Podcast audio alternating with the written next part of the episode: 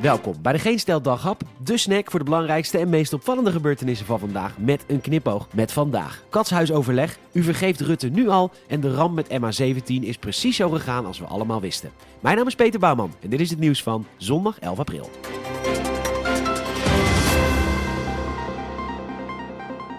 Op dit moment is in het katshuis overleg over wat we allemaal niet gaan versoepelen, maar ondertussen zijn de eerste resultaten van de zogenaamde Field Labs evenementen binnen.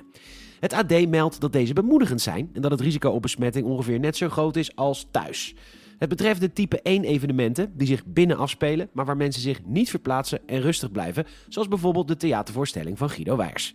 Ook bij het Back to Life congres waren de risico's klein en dus moeten er direct weer evenementen georganiseerd worden, aldus Field Labs, ook bij een hoge besmettingsgraad. Natuurlijk dient iedere bezoeker dan wel een sneltest te doen. Het negatieve resultaat moet je dan tonen en er mogen maximaal de helft van het aantal mensen naar binnen.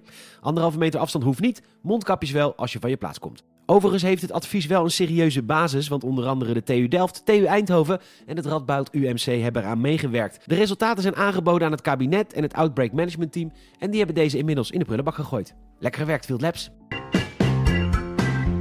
Wat zijn we toch een vergevingsgezind volkje, hè? Mark Rutte is alweer bijna vergeven. Maurice de Hond heeft er weer een peiling op losgelaten en zou de VVD eerder zes zetels verliezen. Dat is teruggebracht naar min drie zetels. Voor de rest blijft het allemaal een beetje hetzelfde, maar nog interessanter is de vraag of u, de kiezer, Mark Rutte weer als premier wilt. Net na het functie elders debakel vond 28% van niet, nu nog 34%.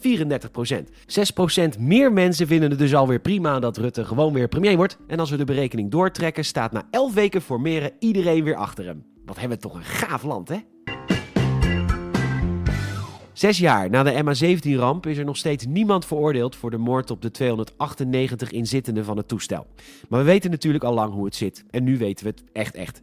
Nieuwsuur heeft namelijk duizenden afgeluisterde telefoongesprekken in handen, in der tijd afgeluisterd door de Oekraïnse inlichtingendiensten. Het resultaat is een prachtige longread dat leest als een jongensboek met codenamen als De Schutter, De Sombere, De Mol en De Adder maar dan met de walgelijke waarheid van de gebeurtenissen.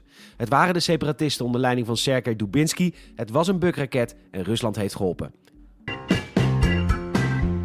China heeft toegegeven dat hun eigen gemaakte vaccin totale troep is. Dat bij monden van de Chinese Gao Fu. Ze bieden niet heel veel bescherming, is wat hij zegt. En dat is toch een bijzonder stukje zelfreflectie van iemand uit de communistische partij. Inmiddels hebben ze wel honderden miljoenen vaccins geëxporteerd naar andere, vaak arme landen. En vaak in ruil voor een dikke schuld aan China.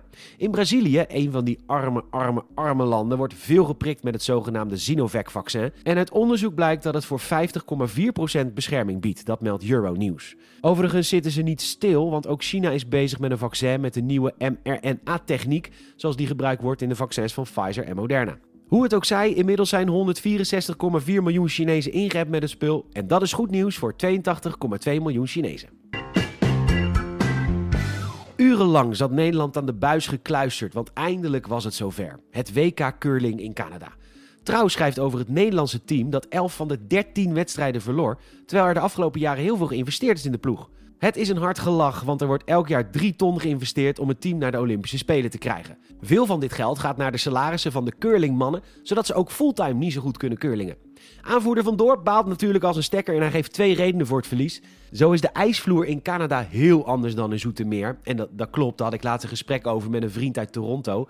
Yes, yes, zei hij, your curling job in Sweet Lake is absolutely horrible, yes. Een tweede reden is een gebrek aan concurrentie, want in Nederland zijn slechts 150 curlers actief. En heel eerlijk, als je op 150 man een team naar het wereldkampioenschap kan sturen, dan heb je het volgens mij nog best wel goed gedaan.